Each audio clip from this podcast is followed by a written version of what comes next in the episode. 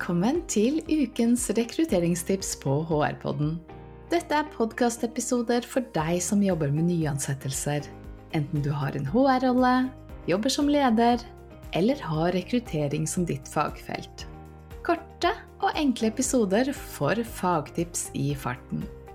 I denne episoden møter du meg, Annelise Heide, leder av HR-podden, og Kristin Vestringås, daglig leder i rekrutteringsselskapet Kløkt.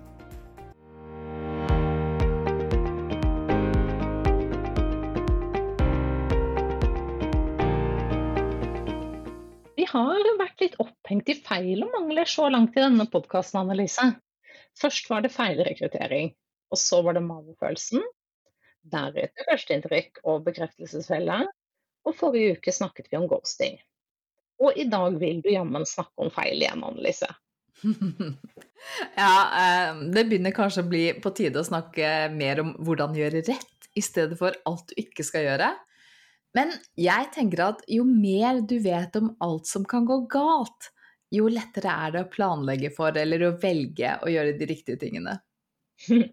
Ja, og vi lover jo at vi alltid skal komme med et råd på hva du kan gjøre i stedet for hver gang vi påpeker hva som er feil og feller. Så helt gærent er det ikke. Men i dag så har du altså som ambisjon å dele hele fem typiske rekrutteringsfeil. Japp, det stemmer. Så da får vi bare kjøre på, for vi skal gjennom fem feil på våre korte 10-15 minutter. Eh, og jeg fikk lyst til å snakke om de fem vanligste feilene. De som jeg hører oftest. Eh, og disse fem de har vært en gjenganger på de rekrutteringskursene som jeg har holdt de siste ti årene. Eh, for da har vi snakket en del om tidligere erfaringer eh, og hva som vanligvis går galt. Rett og slett fordi at det er et godt grunnlag for læring. Og det er noen av de eksemplene jeg hadde tenkt å ta fram i dag. Nå er jeg spent. Og så blir det morsomt å høre om vi har gjort de samme observasjonene også. Hva er den første feilen? Den første feilen handler om å forkaste en kandidat som egentlig kunne vært en god match for rollen.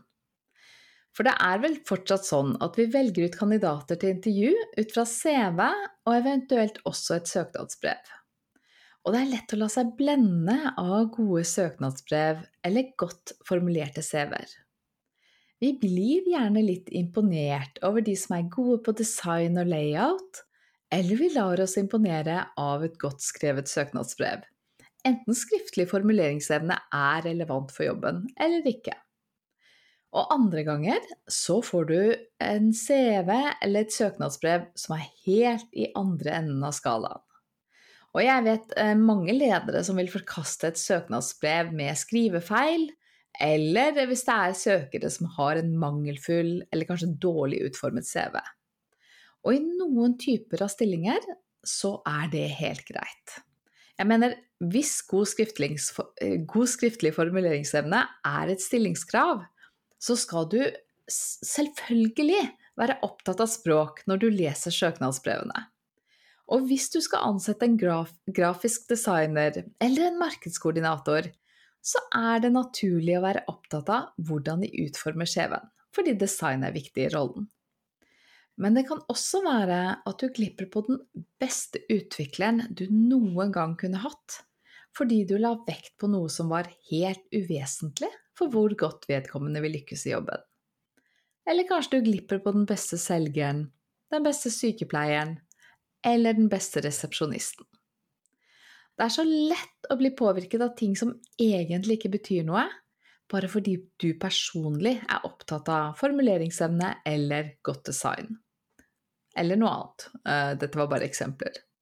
Så, så, poenget er egentlig bare å unngå å dømme på det som ikke teller, for om vedkommende er rett person for rollen. Godt poeng.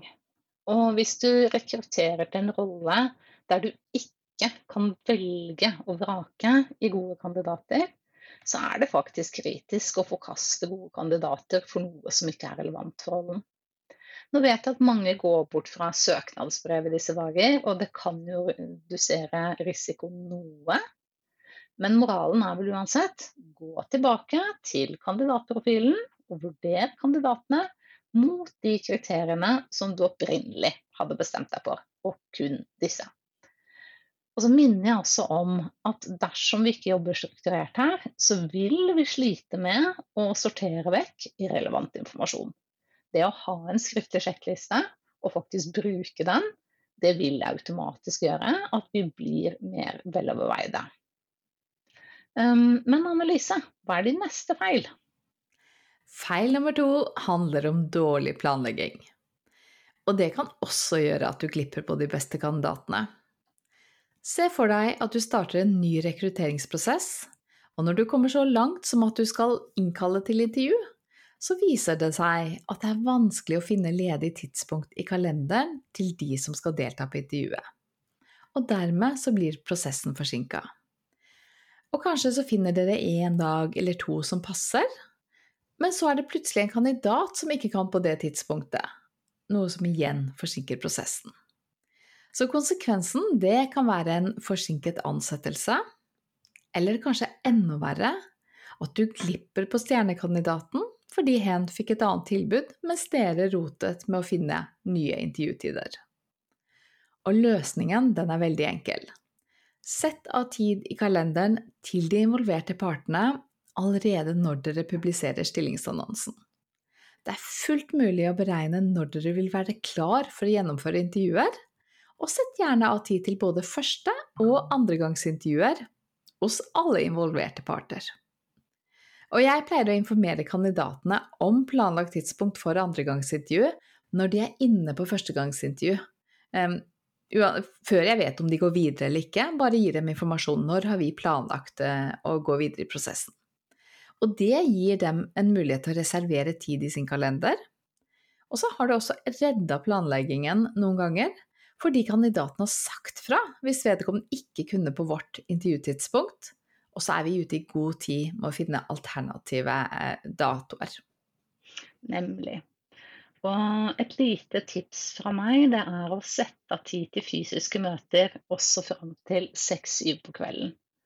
Eh, fordi fysiske intervjuer de er ofte tidkrevende for kandidater.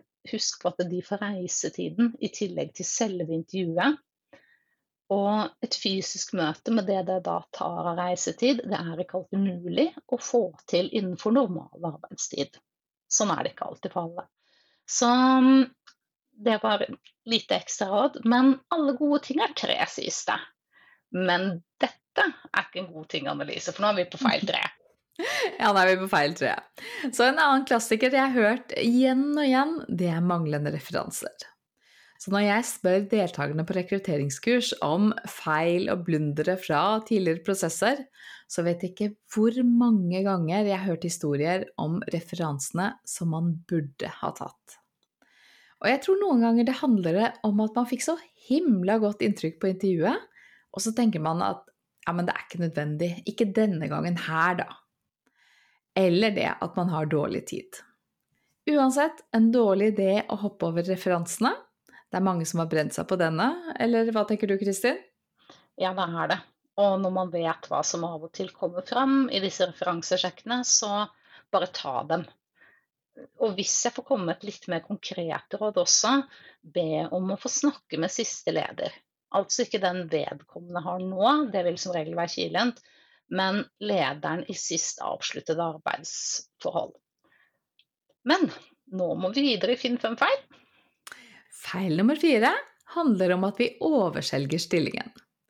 Vi blir så ivrige på å fortelle kandidaten hvor flott det er å jobbe hos oss, og så glemmer vi å gi et balansert bilde av rollen. Konsekvensen kan være at kandidaten slutter etter kort tid fordi ting ble ikke som forventet. Det kan være at det kommer fram store utfordringer eh, eller problemer som ikke ble kjent i rekrutteringsprosessen, eller det kan være noe så enkelt som at vi, at vi bare har fortalt om oppsidene i den aktuelle rollen, og så ikke vært like ærlige på hva som kan være tøft eller krevende. Eller kanskje til og med hva som kan være litt kjedelig i denne jobben. Eh, sånn at kandidatene har fått et urealistisk bilde av hva stillingen innebærer. En undersøkelse utført av Universum for noen år tilbake sa at så mange som to eh, tredjedeler av alle kandidater følte at stillingen ikke matcha deres forventninger. Og jeg vet ikke hvor mange av disse som valgte å slutte, men det er uansett et faresignal som det er verdt å være oppmerksom på. Vi vet alle hvor dyrt det er å miste gode medarbeidere. Og vi snakket jo om det i episode én. Hvor mye koster det eh, når vi rekrutterer feil? Hmm. Ja, men dette er kardinalfeilen over alle, mener jeg. Og det skjer jo på alle nivåer. Det skjer også for toppledere. Og det er jo ikke nødvendigvis tilsiktet. Det kan være blindsoner som er ute og går her, at vi ikke helt vet. Men det å gi et realistisk og nyansert bilde, det er den ansettende sidens ansvar, og det må vi ta. Jeg har to tips her. Det ene er avsjekk arbeidsoppgaver og hvordan stillingen skal presenteres med kollegaer av den rollen det ansettes til. Og la også de gjerne delta i prosessen, slik at de kan bidra med informasjon, og spørre etter hva som typisk er utfordrende i denne rollen. Um, og så har vi det andre, og det er å sette opp det omvendte intervjuet. Og la kandidaten få en én-til-én med en sideordnet. Det vil ofte bidra til et mer realistisk bilde av jobben. Og det trenger jo ikke bare å være én slik samtale heller. Men nå er vi på den siste, Annelise. Yes. Og feil nummer fem, det handler om at vi ansetter den kandidaten vi liker best, uten å ta høyde for om det er den beste personen for jobben. En klassisk årsak til den type feil rekruttering, er et fenomen som kalles similarity bias. Som handler om at vi tenderer til å like mennesker som ligner på oss selv. Og hvis vi ikke har gjort grunnarbeidet ordentlig, eh, altså vet hvilken profil vi ser etter for rollen, så er det lett å bli blendet av kandidater som vi liker. Ja, her har jeg hørt så mange historier at jeg ikke har tall på det engang. Um, men det å bruke case eller arbeidsprøve, det er et råd jeg vil gi. Og fremdeles holde seg til kravspekken. Men Annelise, dette er vanlig. Og det er jo ofte sånne ting som skjer der det ikke er prosesser på plass, eller hva? Ja, det stemmer.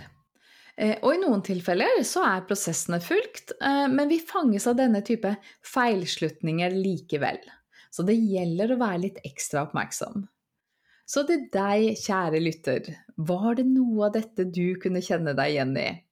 Vi håper at det var en nyttig oppsummering, og at det ga deg noen verdifulle påminnelser om feil og fallgruver som du kan styre unna i framtiden. Mm. Og neste uke så handler det lite om feil, men mer hvordan vi løfter oss et nivå ved hjelp av noen små grep. Så heng med oss en uke til for noen tips til hvordan du får flere søkere på stillingsannonsene. Takk for nå!